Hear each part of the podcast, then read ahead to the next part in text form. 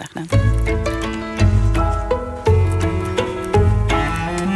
De column van Micha Wertheim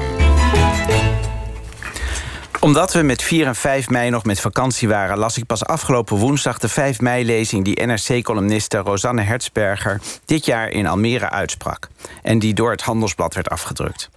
In haar toespraak verzette microbiologen zich tegen de Joods-Nederlandse gemeenschap... die volgens haar een overdreven, permanente bezorgdheid cultiveert. Ja, er is antisemitisme, stelt Hertzberger... maar de antisemieten van nu hebben volgens haar veel minder macht dan in de jaren 30. Hertzberger pleit voor meer optimisme onder Joden. Ze wil haar kinderen niet als slachtoffers grootbrengen. Daarom vindt ze dat het tijd wordt om de geschiedenis eindelijk geschiedenis te laten worden. Ik las het betoog met verbazing en ongemak. Ongemak omdat Hertzberger beweert dat haar optimisme een zeldzaamheid is onder Nederlandse Joden. Wie ook maar iets van evolutie weet, kan zich voorstellen dat optimisme niet bepaald een eigenschap is waar positieve selectie druk op zit. Optimisme was een levensgevaarlijke eigenschap voor Joden. Optimistische Joden vluchten niet. Ze duiken niet onder. De gedachte dat onderduikers geen optimisten waren... is op zijn minst curieus.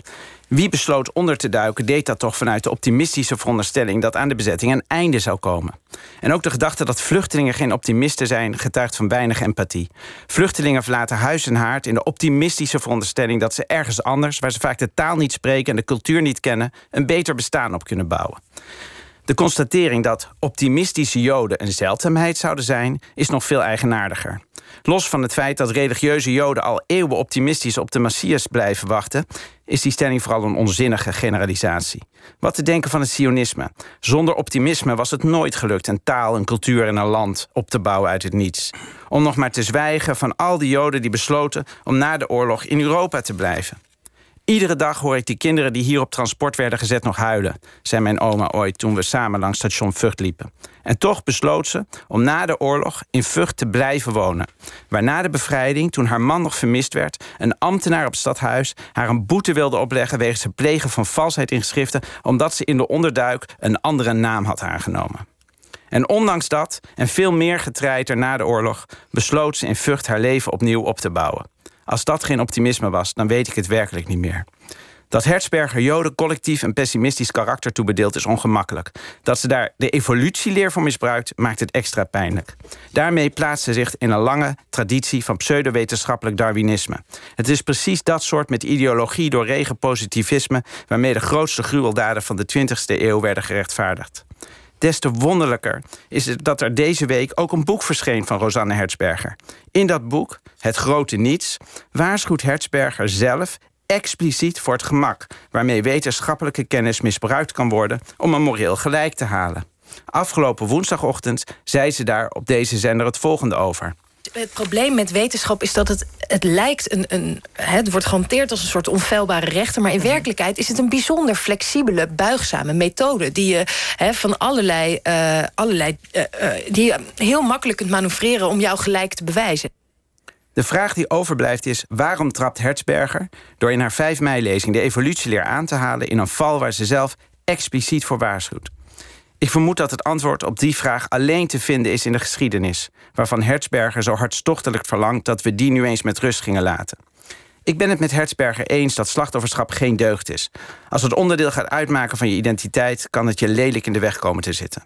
Maar in tegenstelling tot Hertzberger geloof ik niet dat slachtofferschap een keuze is. Een jas waarvan je zelf kan beslissen wanneer je die aan of uittrekt. Hertzberg heeft gelijk wanneer ze constateert dat veel Joden nog steeds in hun denken getekend worden door de gruwelen die zich hier hebben afgespeeld. Joden die doodsbang zijn voor alles dat naar antisemitisme ruikt. Maar ik zie die oorlog net zo goed als een verklaring voor Joden die zich persoonlijk schamen voor alles wat er in Israël misgaat. Zoals ik de oorlog ook zie als een verklaring voor het feit dat weer andere Joden blind lijken voor het lot van Palestijnen die leven onder de Israëlische bezetting.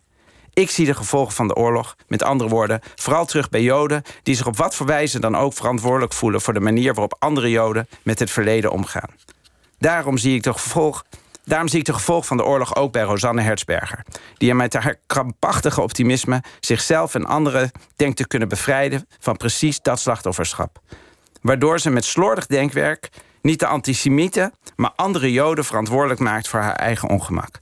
Dat alles lukt alleen door onsmakelijke clichés over Joden te onderbouwen met het soort pseudowetenschap waar ze normaal gesproken zelf tegen ageert.